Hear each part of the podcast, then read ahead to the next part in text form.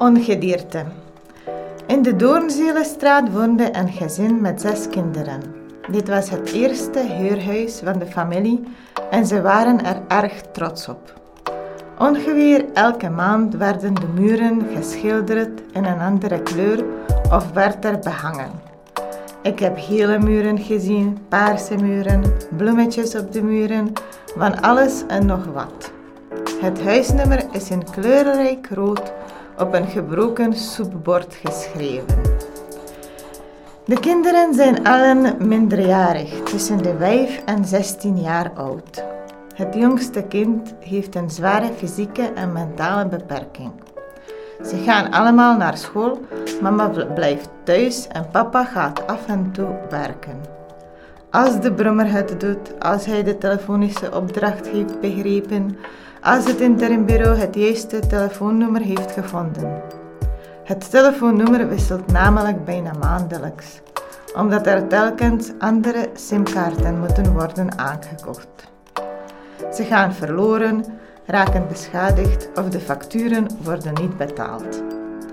Het gezin wil principieel geen beroep doen op financiële steun van het OCMW. Op die manier houden ze hun kansen haaf op een betere verblijfstatuut op termijn. Ze willen ook liever werken voor hun geld, aangevuld met kinderbijslag en caritas. Er zijn schulden. Proximus, Telenet, De Bijs, De Lijn, Penaleboetes, Luminus, Essent en Faris. En ook de schuldenindustrie moet er nog aan verdienen. Incassobureaus in overvloed deurwaarders ook. Daarom zijn ze in collectieve schuldenregeling gegaan. Maandelijks worden schuldeisers afbetaald. Wat overschiet is leefgeld.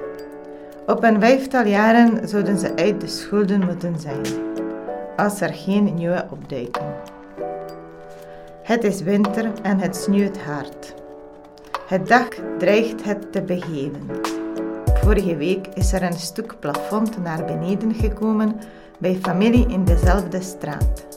Pardus naast het bed van de slapende kinderen. Ze zijn bang. Op huisbezoek is het gezellig warm. Er wordt koffie en thee aangeboden. Thee is oké. Iemand merkt ongedierte op achter mijn rug. Door de aanhoudende regen en smeltende sneeuw worden de beestjes uit de riolen gedreven. De muizen worden ratten. Het jongste kindje slaapt beneden in zijn bedje.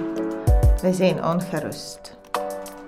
Een paar weken later staat de zetel buiten op het voetpad. Volgens papa zit de zetel vol muizen. De zetel blijft er staan tot er een boete wordt uitgeschreven. De broer van papa heeft negen kinderen. Ze zijn dakloos. Ze trekken in bij ons gezin uit de Doornzelenstraat. Voor een week. Die week wordt een maand. Ondertussen blijven de muizen boven voetbal spelen, zegt papa. Wij lachen hard.